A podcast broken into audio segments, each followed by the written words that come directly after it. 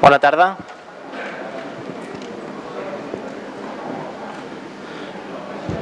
Bona tarda, si us sembla comencem aquest ple ordinari del mes de novembre.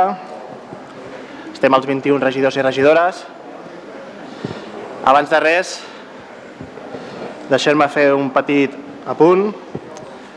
Recordar que Ripollet és un poble obert, plural i divers, on hi caben totes les idees, on hi cap la gent que legítima, democràtica, pacíficament defensa l'actual unitat d'Espanya i la gent que també legítima, democràtica i pacíficament aposta per construir una nova república catalana. Però el que mai tindrà espai al nostre municipi, i avui un altre dia més queda demostrat i queda palès, és el feixisme i la intolerància. Així doncs...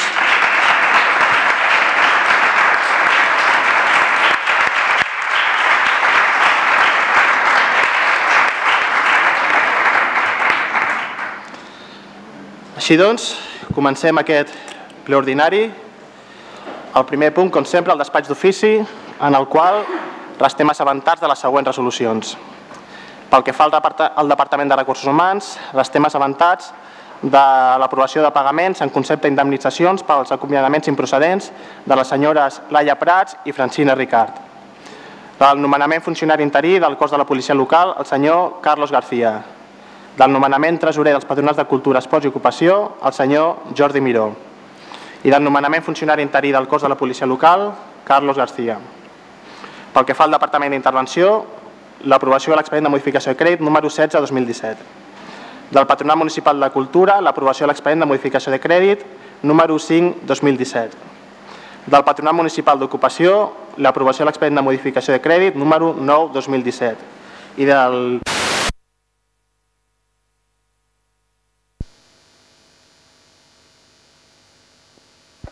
i del Patronat Municipal d'Esports la modificació de crèdits número 3-2017. També restem assabentats de la remissió al Ministeri d'Hisenda dels següents documents. L'execució pressupostària del tercer trimestre 2017 de la Corporació i els seus patronats, del cost efectiu dels serveis de l'exercici 2016 de la Corporació i els patronats i ja estaria aquest primer punt de donar compte a despatx d'ofici.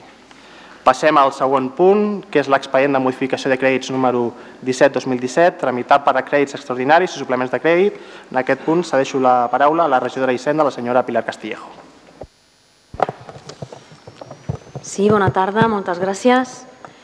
Amb aquesta modificació de crèdits eh, fem modificacions per incorporar crèdit a diferents partides D'una banda, per millores a parades de bus, fem dues noves marquesines, dues noves parades de bus, posem les marquesines, una al carrer València i a la carretera de Barcelona, i aquestes dues marquesines es financien eh, amb un, sobrant d'unes inversions d'una partida de per papereres, aquestes pipicant, que ja s'ha efectuat la inversió i ha quedat un restant.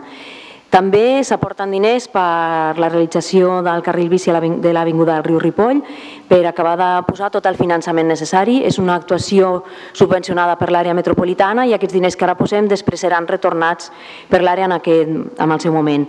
Aquesta, aquesta inversió al carril bici la financem també amb restes d'inversions que ja s'han realitzat i que han tingut un sobrant. Eh, l'elaboració del monument LGTBI i l'adequació de l'espai infantil al Club de Futbol Industrial, doncs amb el que ha quedat sobrant d'aquestes dues partides podem acabar de finançar eh, el carril bici.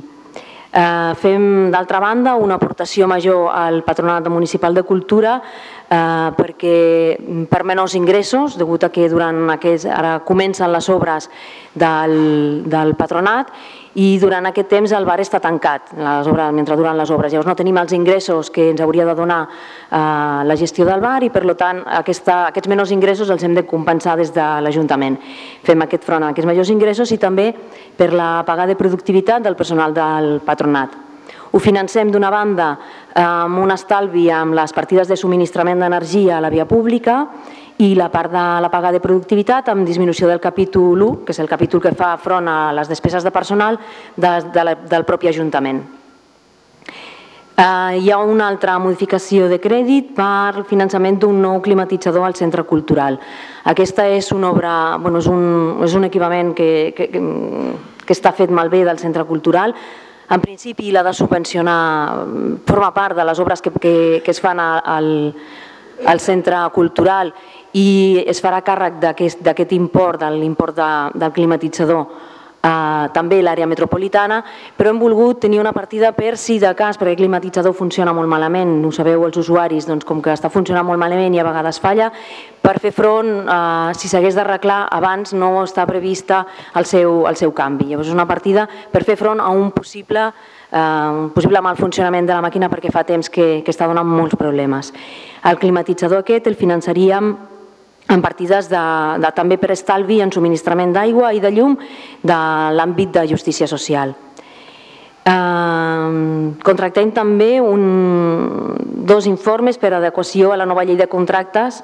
Eh, la llei de contractes de que elabora l'Estat ha canviat, s'aplica a partir de l'1 de març i això porta una afectació a diferents projectes que s'estan tirant endavant. Eh, en concret, amb aquests estudis veurem com hem d'adaptar la nova llei de contractes la creació de l'entitat mercantil que que ha d'acollir eh, la neteja d'edificis, l'activitat de neteja d'edificis i els serveis que puguin ser gestionats en un futur de forma directa a través d'aquesta entitat mercantil. Ho financem amb una baixa de, de la partida de renting de vehicles perquè el renting ha començat no des de l'1 de gener sinó més endavant, doncs amb l'estalvi que s'ha produït a la primera part de l'any doncs hem pogut finançar aquests estudis per l'adaptació a la nova llei de l'estat de contractació. El Patronat d'Esports han, hem tingut per unes urgències, hem de cobrir unes urgències perquè s'han produït unes goteres a les terrasses del PAM, hem d'impermeabilitzar aquestes terrasses i financem això a través de la incorporació de romanent de tresoreria. I per últim, també amb aquesta mateixa paga de productivitat que explicàvem del Patronat de Cultura, hem de fer també front des, de, des del mateix capítol 1 de l'Ajuntament, fem una major aportació al Patronat d'Esports per poder fer front amb, amb la paga de productivitat del personal del Patronat d'Esports. I aquesta és una mica l'explicació bueno, de, totes, de tots els moviments de partides que fem en aquest mes de novembre. Gràcies. Gràcies. Obrim torn de posicionament. Senyora Laborda. Bona tarda a tots i a totes. El meu vot serà favorable. Gràcies. PDeCAT. Sí, bona tarda. El nostre vot en aquest punt serà d'extensió. Com passa moltes vegades quan hi ha modificació de crèdits, doncs hi ha moltes partides o molts punts que es toquen. No tenim res a dir en contra dels punts que aquí es passen. Eh, potser amb el tema de les inversions hi ha un tema de prioritats que no coincidirien totes amb, els, amb el que nosaltres faríem o la gestió de les mateixes, però com deia al principi, doncs ens abstindrem. Gràcies. Esquerra. Bé, bona tarda. El nostre vot serà favorable. Gràcies. Partit Popular. Sí, bona tarda. Desde el Partido Popular quisiéramos expresar que este punto, que además se entra por urgencia y es una gran, es una gran cantidad de dinero, son 300, más de 300.000 euros, nos parece un enorme despropósito. Mm, por varias razones, lo que pasa es que desde el Partido Popular solamente vamos a hablar de dos aspectos. Uno es de la forma y otro es del fondo. Eh, yo creo que todos en la vida, tanto cuando hablamos de vida personal como vida como entidades o como grupos de personas, hay momentos en los que hay que estar bien, dar una buena imagen, porque uno, eh, al fin y al cabo, en la vida, pues quiere que le den un trabajo, quiere, pues no sé, eh, desde un trabajo hasta encontrar pareja. Tenemos un, gobierno municipal que en este momento está, em, queremos pensar que está preparando unos presupuestos y que em, las formas indican que debería dar una buena imagen en cuanto a lo que es el tema económico. Y va a cerrar el año con esto que nos presentan hoy. Em, no nos parece en absoluto bien, nada bien, que este, esta modificación de crédito sea un listado de los principales funcionarios que tiene este ayuntamiento. Eh, esta técnica de andar escondiéndose detrás de los funcionarios, porque prácticamente están todos, prácticamente por cada punto, a petición de tal funcionario, a petición de, yo no voy aquí a listarlos, pero los que estamos dentro del ayuntamiento conocemos a todos y cada una de las personas que son funcionarios de este ayuntamiento y prácticamente aparecen en cada punto. Nos parece una muy mala manera de presentar las cosas, nos parece una muy mala manera de gobernar, ya sea un municipio o cualquier otra entidad, porque tanto los presupuestos como las modificaciones de crédito no dejan de ser la decisión de qué se hace con el dinero de todos. Y de esto tiene que responder el Gobierno aquellos que elegidos democráticamente deciden si 4.000 euros se van a paradas de bus o para papeleras pipicán, por ejemplo. Y esta manera de actuar, esta forma, nos parece, insisto, un despropósito. Por otra parte, el fondo, el fondo de la cuestión. Aquí hay muchas partidas, evidentemente aquí se mezcla de todo. Solamente desde el particular que nos queríamos centrar en dos de ellas. Una de ellas es los 50.000 euros que se van a, literalmente a l'aparell de climatització del, del Patronat de Cultura.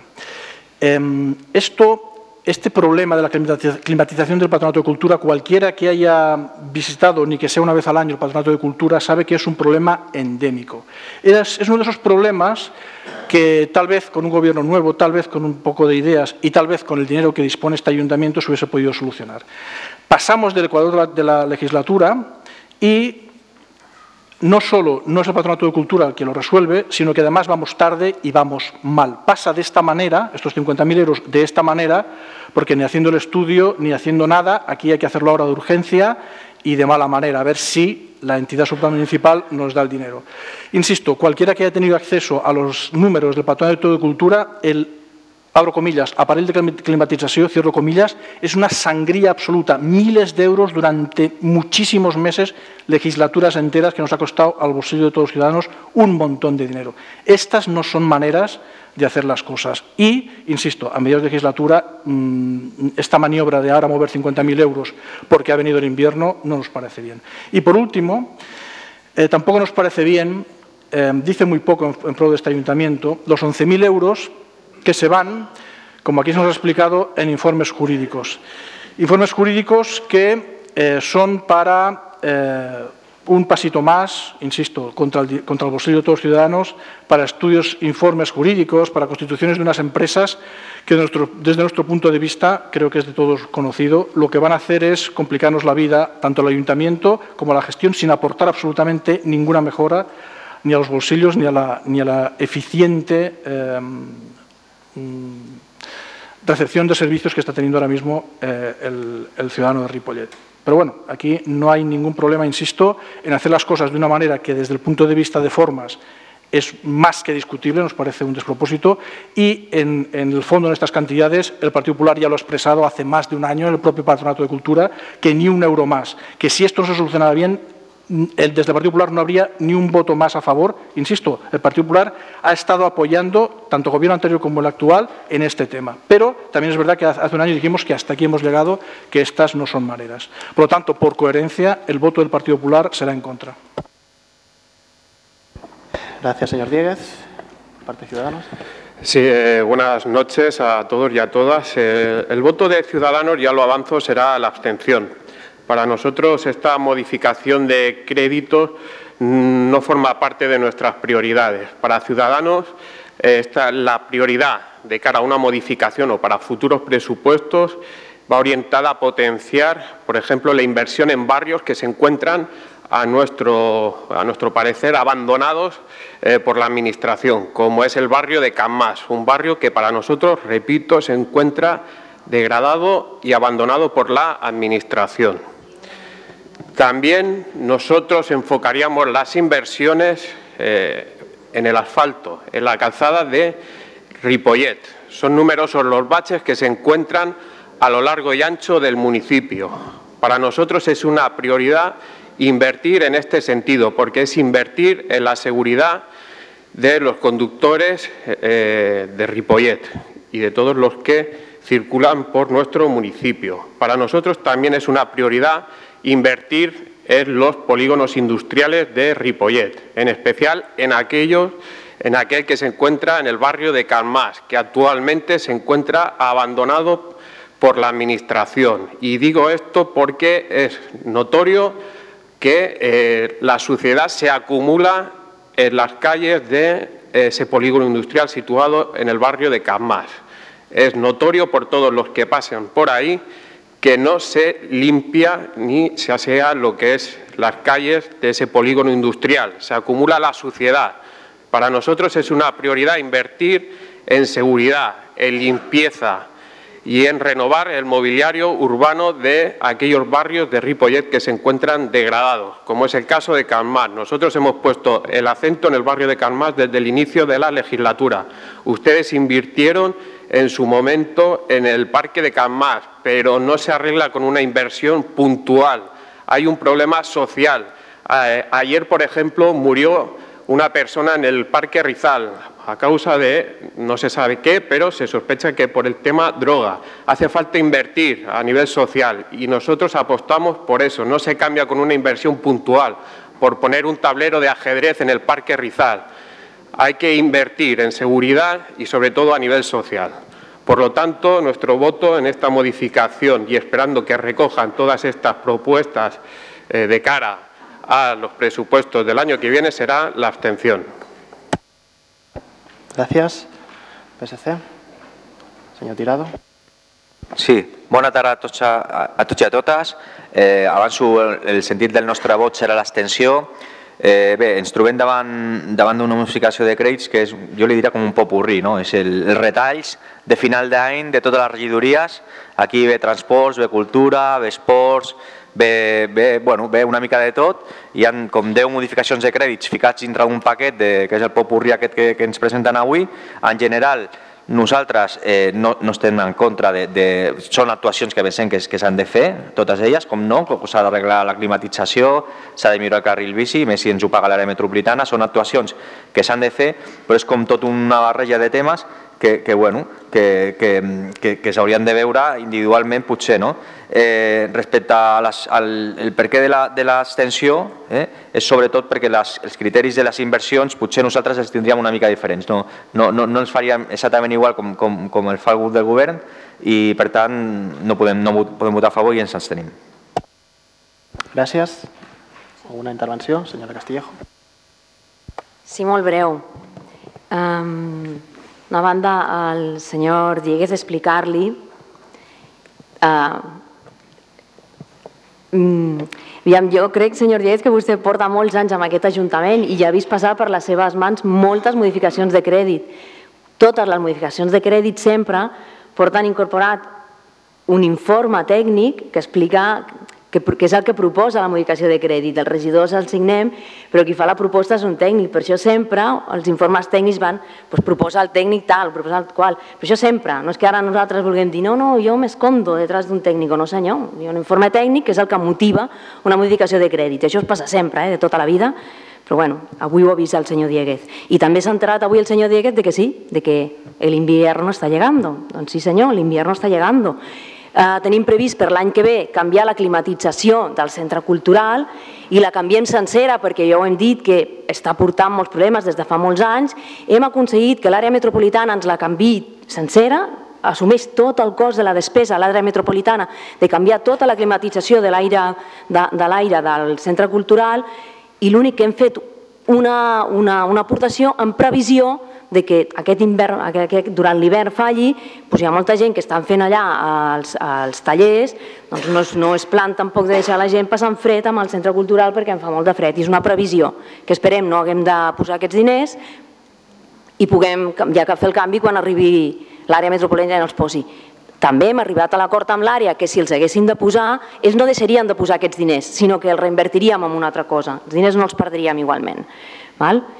I també volia comentar amb el tema de les inversions que ens ha comentat Ciutadans, que entenc que són inversions que ens proposen eh, de cara al 2018, temes que hauríem de treballar. Eh, ha comentat alguns que jo crec que són temes en els que hem començat i bueno, que es porta fent feina durant aquest any perquè parlava d'asfaltats, de voreres, eh, de mobiliari urbà durant aquest any les inversions amb asfaltat han estat de 100.000 euros, de 144.000 euros en reparacions de voreres, s'han fet inversions també en canvis de mobiliari urbà, de papereres, de bancs, i, i sí que és veritat que uh, el treball que s'ha de fer als barris, uh, per, perquè són barris que necessiten una feina important, eh, s'està fent i no només eh, aixecant carrers i arreglant-los, que també el treball social també es fa treballant amb la gent, que jo crec que és una de les prioritats d'aquest govern, no? treballar amb la gent i intentar fer polítiques socials que, que ens ajudin a millorar el nostre,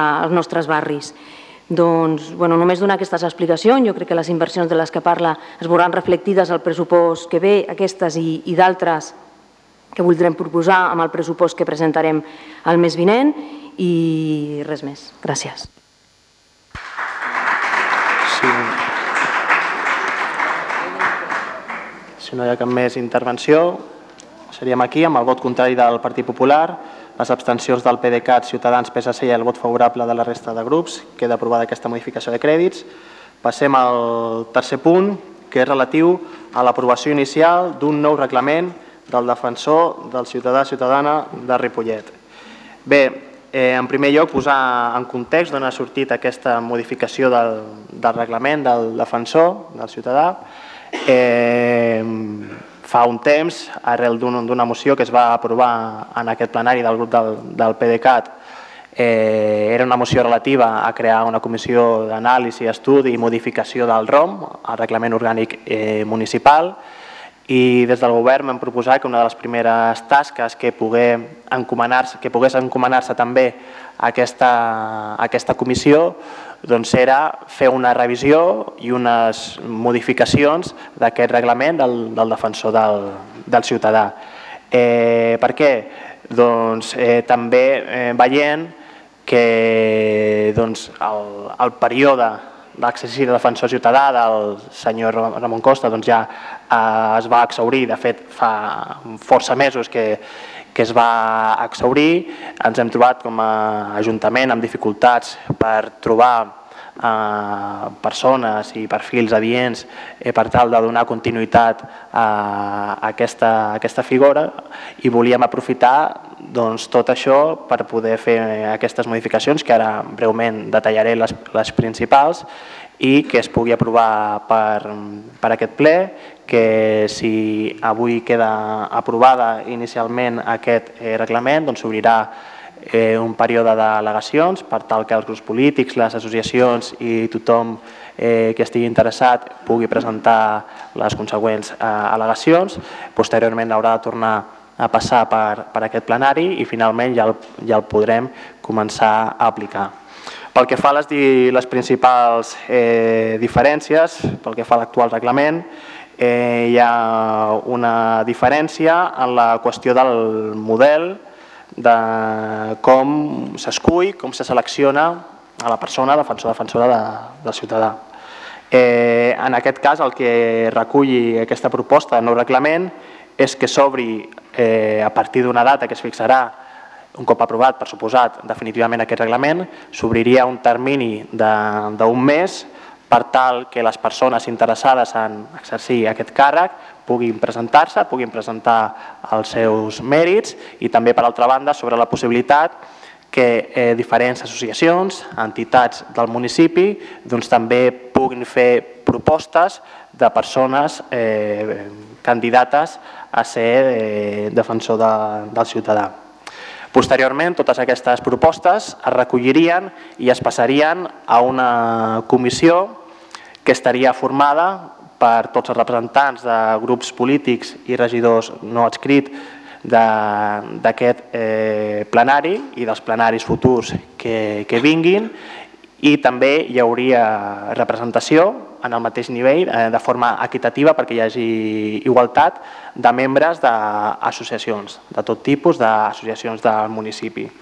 És aquesta comissió formada, com deia, per els grups polítics i per les entitats de, del poble que faria una anàlisi de les diferents eh, candidatures i des d'aquesta comissió doncs, s'hauria doncs, d'elevar una proposta de defensor o defensora a aquest plenari que definitivament és qui hauria de ratificar, si escau, si creu convenient, la proposta de defensor. Per altra banda, una altra de les novetats que, que s'introdueix és la, es deixa recollit en el reglament que el defensor del ciutadà doncs, també faci una rotació de, pels diferents eh, barris, que no només estigui en un lloc fix, com fins ara ha estat, sinó que també de forma mensual, de forma periòdica, es vagi desplaçant pels diversos barris eh, del nostre municipi per tal d'afavorir eh, que la gent doncs, conegui la figura i pugui canalitzar de forma propera doncs, les seves preocupacions, queixes, eh, problemes i propostes a la figura del defensor del ciutadà. I aquestes jo diria que són les principals eh, modificacions que s'introdueixen en aquest, en aquest reglament. Aquest reglament, com deia, doncs va ser fruit una mica del treball que es va fer en aquesta comissió del ROM. Des de, es van fer diferents aportacions per part dels grups polítics que formem part d'aquesta comissió, eh, es van recollir i avui doncs, eh, finalment doncs, podem aportar-ho a ple. Sense més, obrim un torn de posicionaments i intervencions. Senyora Laborda. Bé, per tractar-se d'una aprovació inicial, el meu vot és en l'abstenció per veure com s'anirà desenvolupant. Gràcies. PDeCAT. Sí, ja, ja s'ha comentat per, per les dues intervencions, tant en la presentació com la regidora Mònica Laborda. Això és l'aprovació inicial.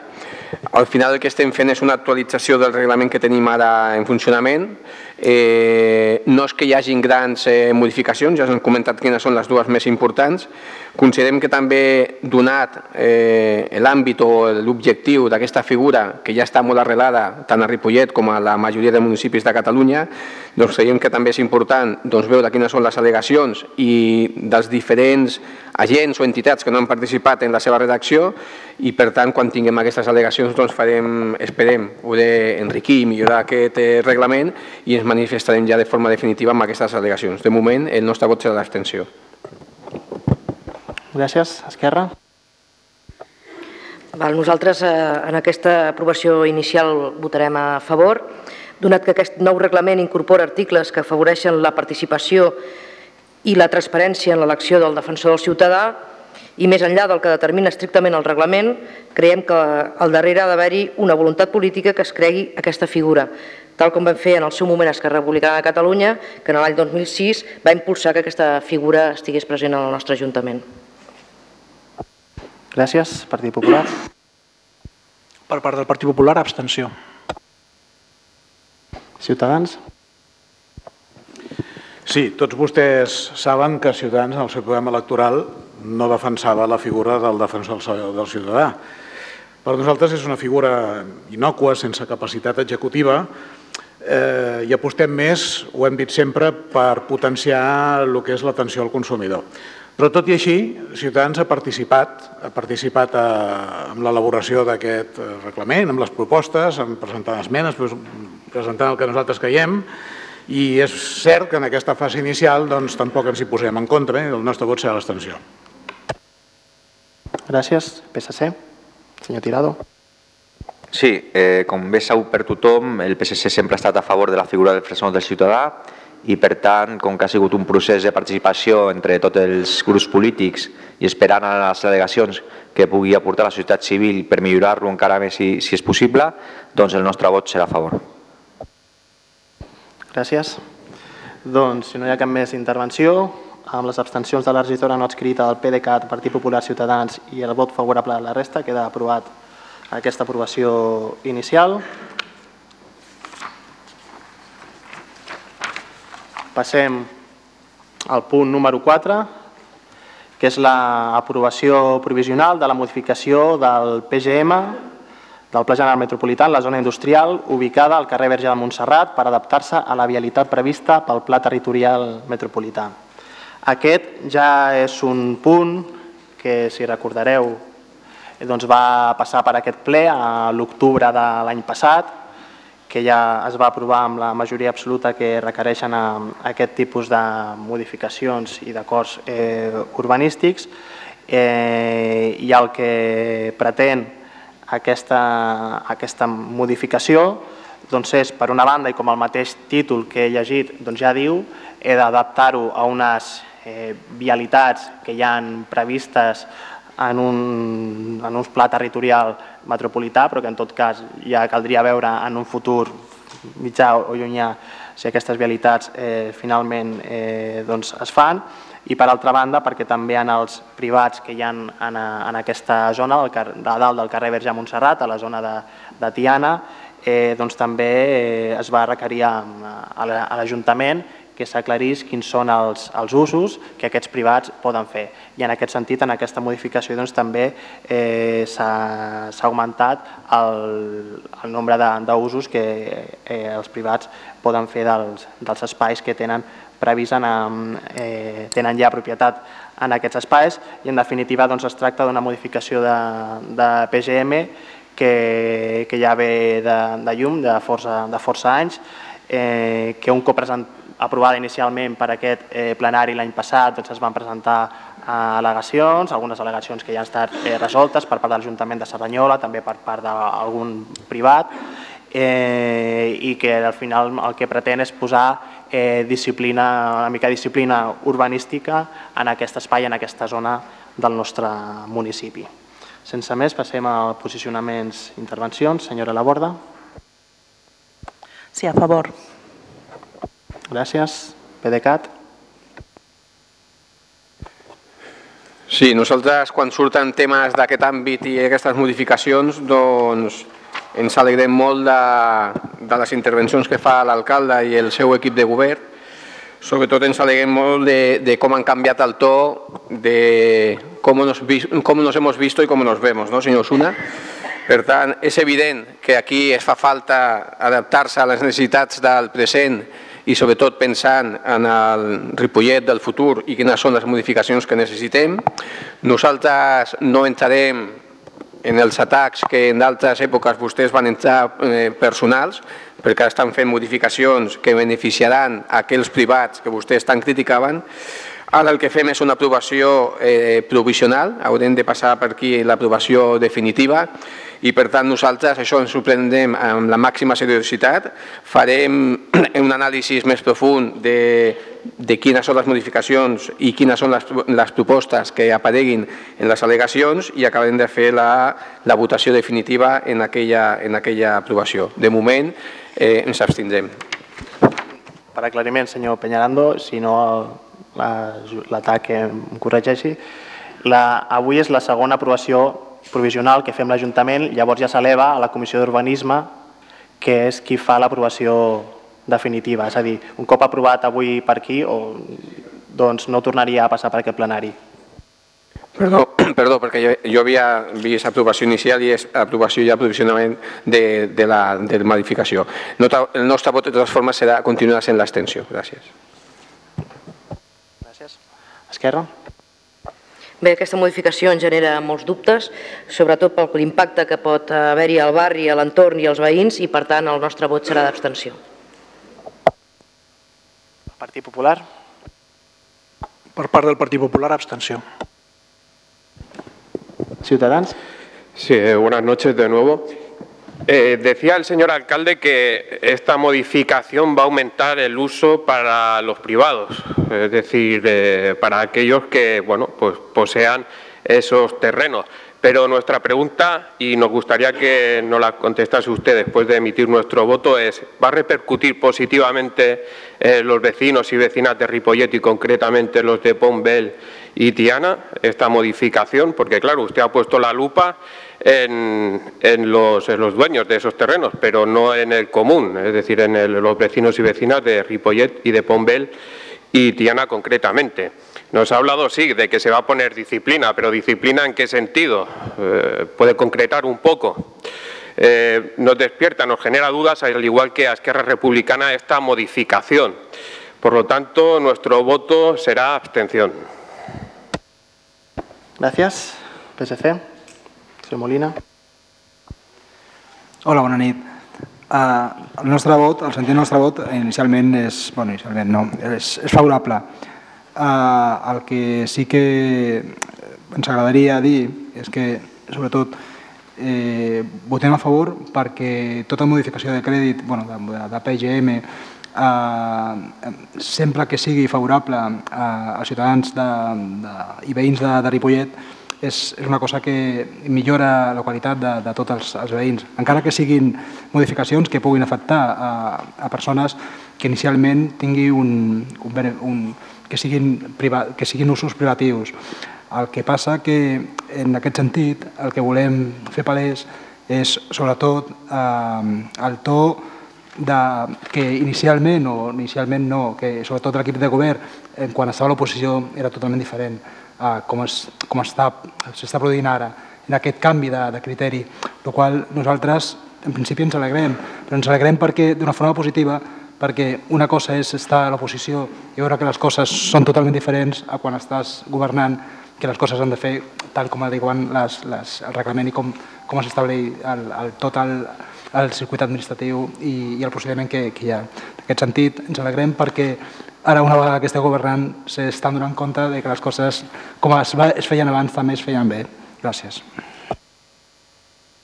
Gràcies. Eh, primer jo, per suposat, que tindrà efectes positius de cara a la, a la ciutadania. Això esperem també, precisament per això també hem seguit amb la, amb la tramitació. Considerem que tota eh, normativa, tot canvi normatiu que vagi en la línia de disciplina urbanística, que tothom tingui clar quins són els usos, els quins equipaments eh, poden anar allà, que no hi hagi un desordre i un desgavell en les activitats que hi hagi, doncs sempre també són en benefici de, del barri, de les persones i també del desenvolupament econòmic i industrial que necessiten doncs, els nostres municipis en el, en el dia d'avui. Eh, vull agrair els vots eh, favorables de, dels grups que, que, que han, així s'han pronunciat i per a aquells grups que tenen dubtes sobre, sobre la qüestió, eh, per suposat són, són legítims, però també mm, m'agradaria recordar el que he dit també al, al, al començament, que aquesta aprovació inicial es va fer a l'octubre de 2016, ha passat un any i un mes, i aquests dubtes dels grups que, que, que els tenien doncs també els podien, podíem haver treballat, els podien haver estat manifestat, eh, es podien haver recollit en el termini d'al·legacions que es va fer i en cap cas hi va haver al·legacions per part dels, dels, dels grups polítics. Eh, no obstant, recollim també aquestes qüestions i treballarem perquè aquesta modificació de PGM, eh, si finalment s'aprova doncs, eh, definitivament per part de la Comissió eh, Territorial d'Urbanisme de l'àrea metropolitana eh, doncs, treballar perquè aquests efectes doncs, siguin positius també per, pel barri i al final per tot el, per tot el municipi. Eh, si no hi ha cap més qüestió, amb l'abstenció de PDeCAT, Esquerra, Partit Popular i Ciutadans i el vot favorable del govern de la senyora Mònica Laborda i del PSC queda aprovada aquesta modificació del, del PGM. Passem ara al punt cinquè, que és l'aprovació de la segona pròrroga del contracte administratiu de serveis de conservació, neteja i manteniment d'espais verds de Ripollet. Aquí el que fa, com diu el mateix títol, doncs és aprovar aquesta segona pròrroga d'aquest contracte administratiu del manteniment d'espais verds de Ripollet amb la mercantil eh, Jardinet fins al dia 1 de novembre de 2018, d'acord amb les condicions previstes als plecs tècnics administratius que regeixen la referida contractació i l'oferta presentant el seu dia per l'adjudicatària. Es declara la plurianualitat de la despesa pels anys 17 i 18 amb els següents imports. L'any 2017 mesos de novembre i desembre despesa de 92.263 euros amb 76 cèntims a raó d'uns 46.000 euros mensuals i l'any 2018 de gener a novembre, despesa de 461.000 euros a raó d'uns també uns 46.000 euros eh, mensuals. El contracte actual d'aquest servei amb, amb Jardinet eh, primer va tenir un termini de 3 anys que es va exaurir i llavors hi havia la, la possibilitat de fer tres pròrrogues consecutives, un màxim de tres pròrrogues consecutives d'un any cadascuna. Avui el que es porta al plenari doncs és l'aprovació d'aquesta segona pròrroga i per tant hi hauria la possibilitat, si s'escau i si es creu convenient, doncs, de poder fer una tercera d'un altre any eh, l'any que ve. Sense més, passem a posicionament. Senyora Laborda. Sí, el meu vot és favorable, però bueno, espero que a la llarga es pugui municipalitzar com el d'altres serveis. Gràcies. Eh, PDeCAT. Sí, nosaltres abans de manifestar el nostre posicionament en aquest punt voldríem començar amb una pregunta-reflexió al govern municipal i concretament com a responsables al senyor Suna i la senyora, la senyora Castillejo. I la pregunta és ben clara i ben concreta. Per què, per què aquí no? Per què a la neteja dels espais verds no municipalitzem?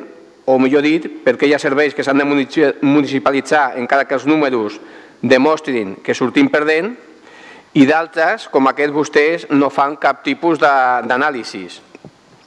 Aquest servei de, del manteniment de les zones verdes, de, de la neteja, com diu el, el mateix, mateix punt, conservació, neteja i manteniment dels espais verds, és un, espai, és un servei que, al igual que la neteja dels edificis municipals, No hi ha grans inversions en maquinàries o en infraestructura, és, un, és una acció bàsicament de, de treball humà, de, de, de persones qualificades que han de fer un servei i per tant no entenem per què ara aquí no s'ha fet cap eh, servei i anem ara ja per la segona pròrroga. O millor dit, no perquè anem per la segona pròrroga, sinó perquè vostès ja presenten la segona pròrroga i aquí no fem cap tipus d'anàlisi o quina diferència hi ha.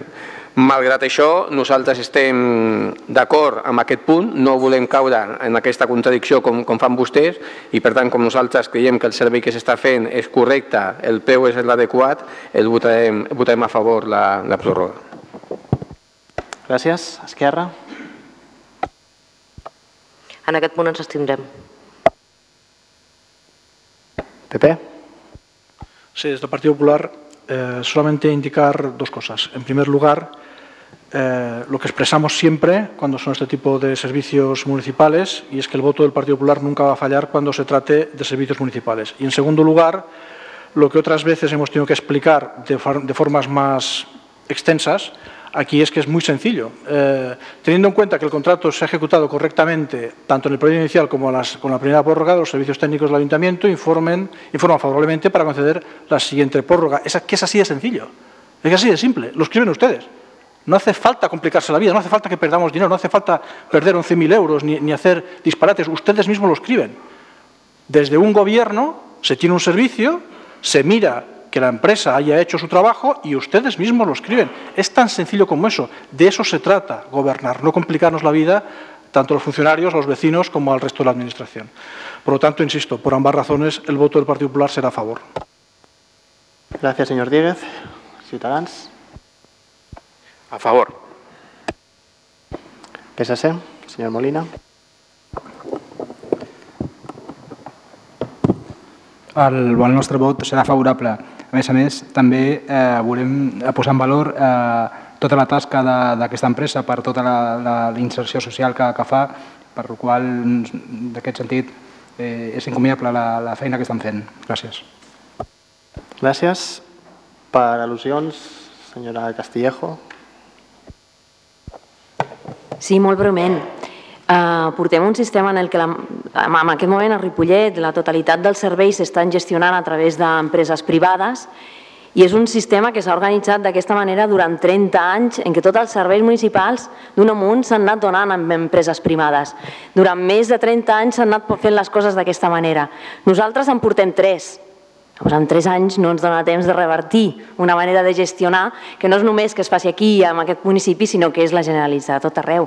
Eh, en, en, en, en tres anys no pots revertir-ho, no pots revertir una, canviar tot el model de gestió a tot arreu. I en tot cas, eh, quan nosaltres apostem per una...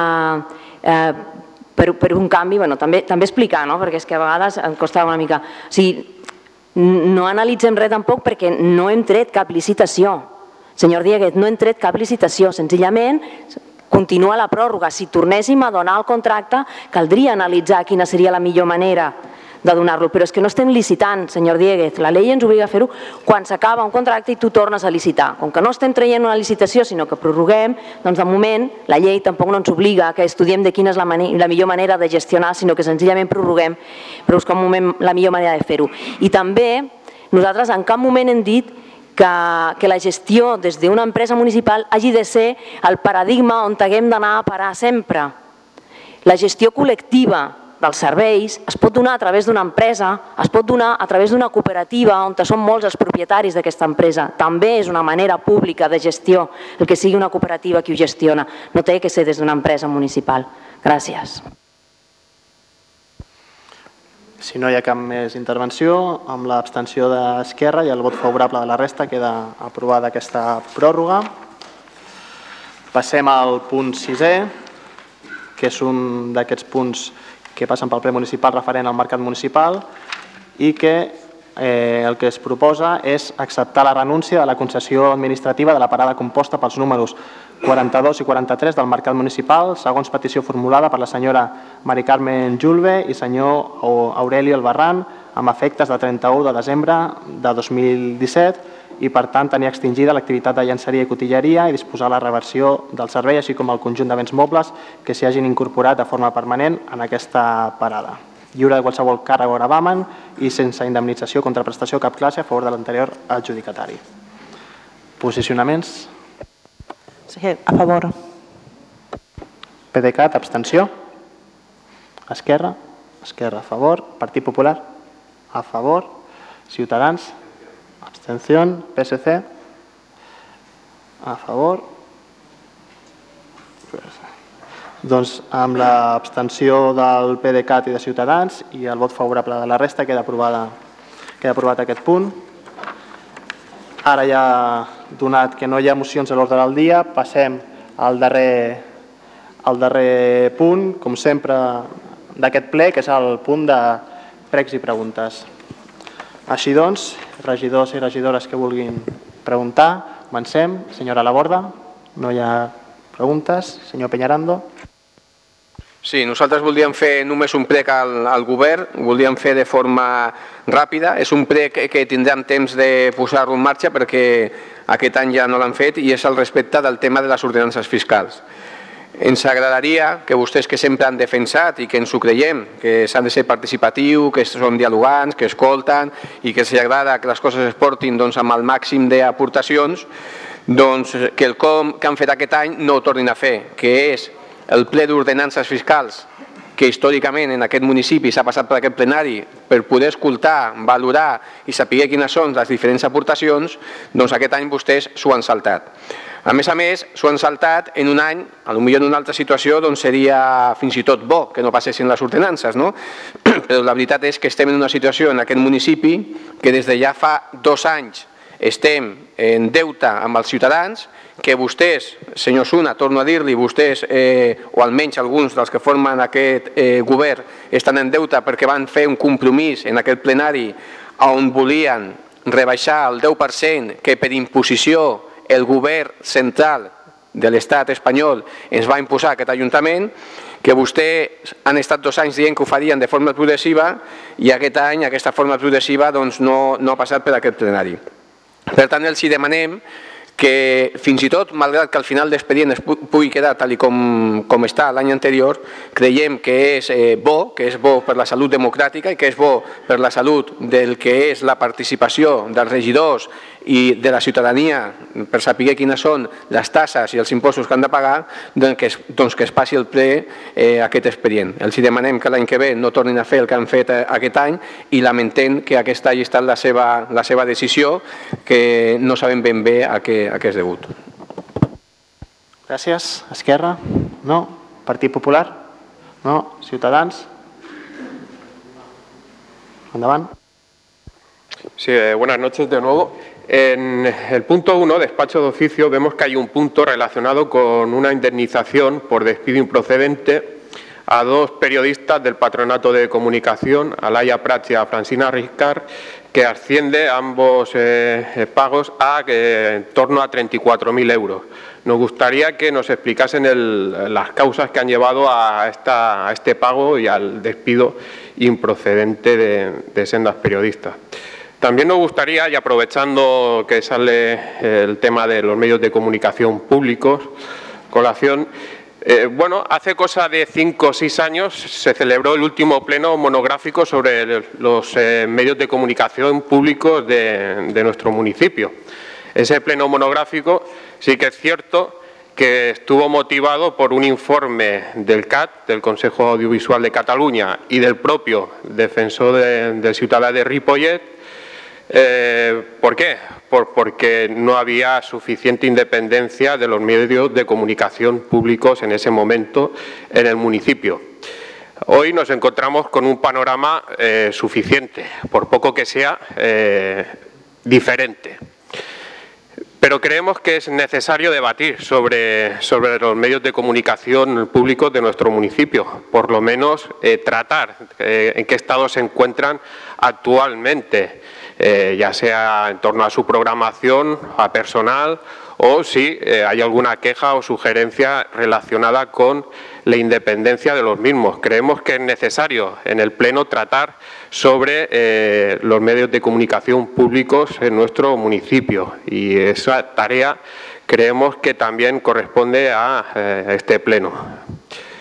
Por otro lado, y ya para terminar, eh, ya le comenté en la Comisión de Territoriales al señor alcalde que en los últimos tiempos se están produciendo una serie de ocupaciones en el barrio de Camas. Se han ocupado varios locales. Uno de ellos, por ejemplo, el antiguo local de la Asociación de Vecinos de Camas, eh, situado en el Parque Rizal de Ripollet. Pero como ese local se han ocupado otros muchos.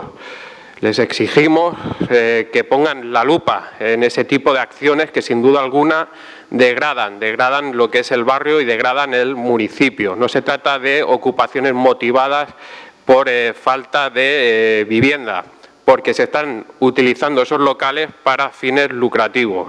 ¿De acuerdo? Muchas gracias. ¿No? ¿PSC? Señora Gutiérrez. Buenas tardes a todos. Eh, nos gustaría saber cuánto se han gastado este año en la actividad de los zombies de la Survival y qué beneficios aporta la, a la empresa y qué beneficios aporta al pueblo. Gracias. Siguiente.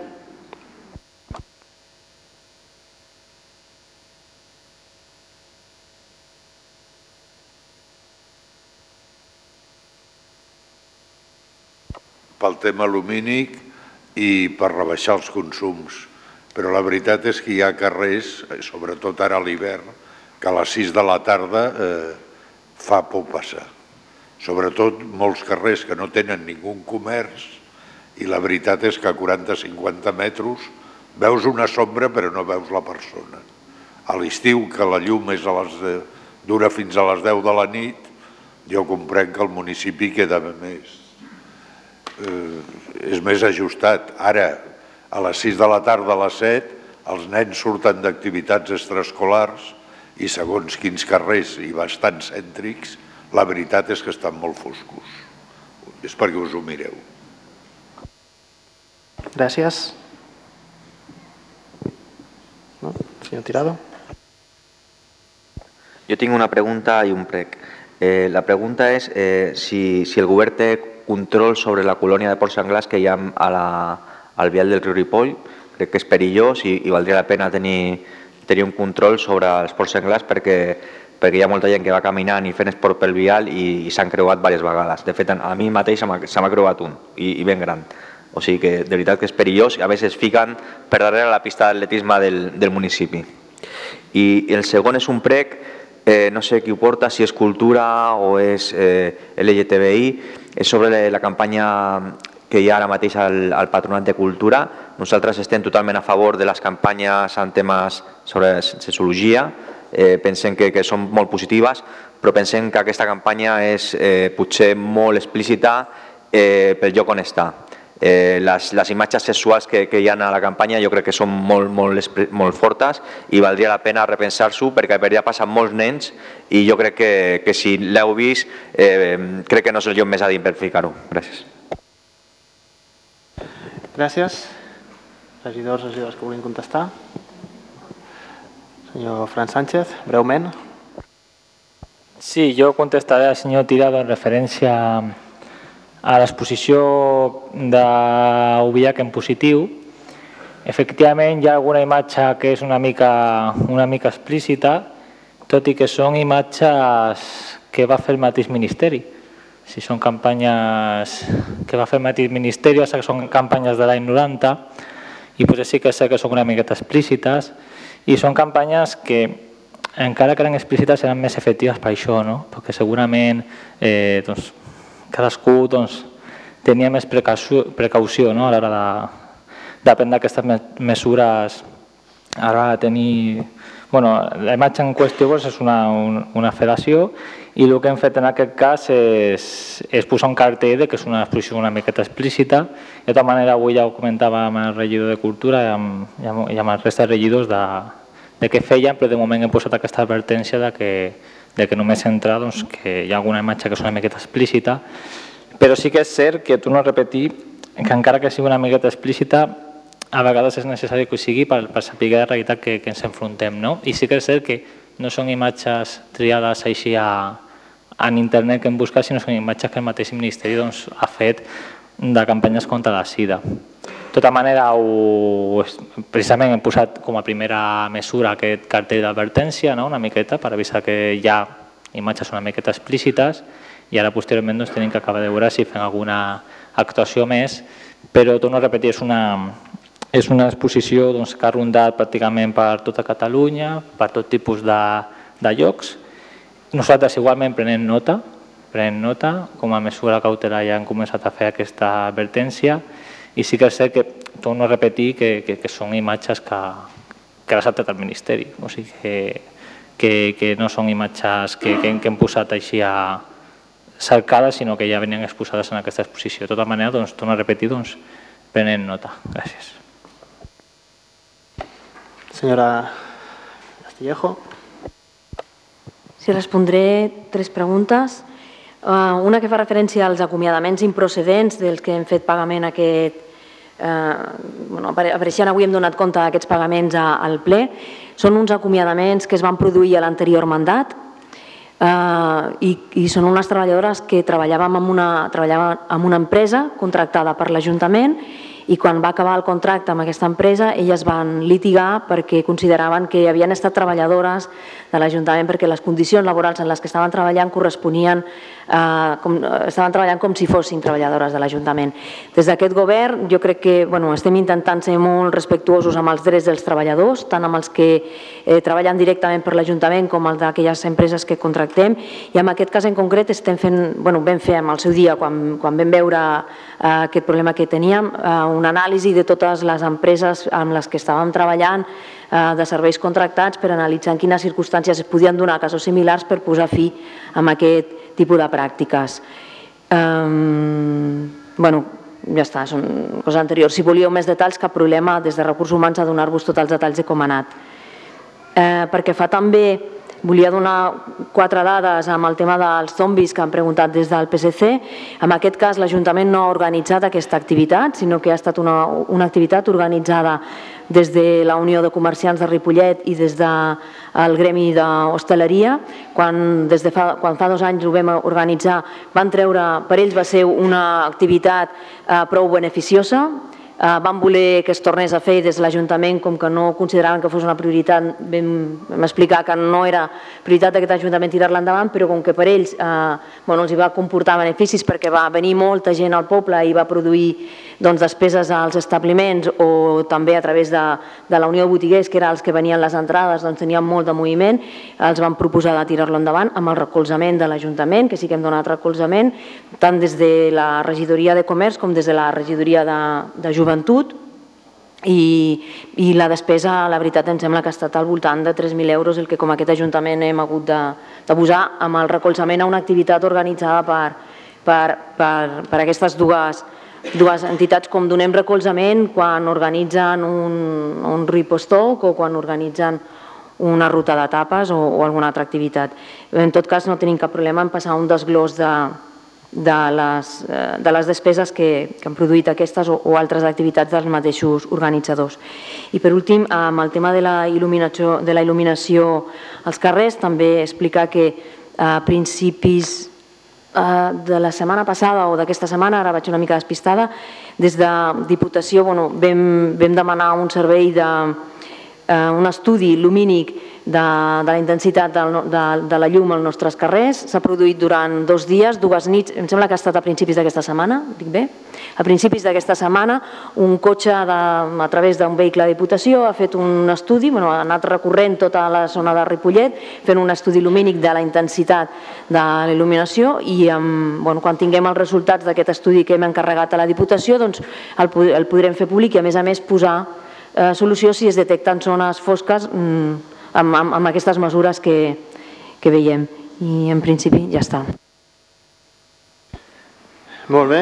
Eh, pel que comentava el regidor Tàpia del mitjans de comunicació, ja una mica en l'anterior ple es va comentar, és cert que vam dir que convocaria aviat una nova comissió de mitjans de comunicació, encara no s'ha fet, entre altres perquè estaven pendents. En la primera reunió que es va fer vam dir de convidar a una persona externa, de col·legi de periodistes, o que tingués una visió des de fora i més professional per fer una també valoració per part seva. Eh, per part d'aquest col·legi doncs no es va contestar en el seu moment i recentment hem tornat a fer la, una nova carta, una nova notificació per veure si, si ens proposen algú.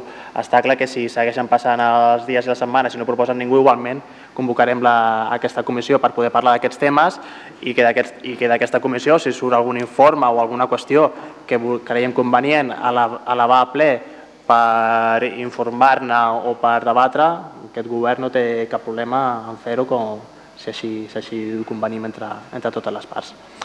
La resta de preguntes que no hagin estat eh, contestades contestaran per escrit, si no hi ha cap cosa més. Ho deixem aquí. Moltes gràcies a tothom i bona nit.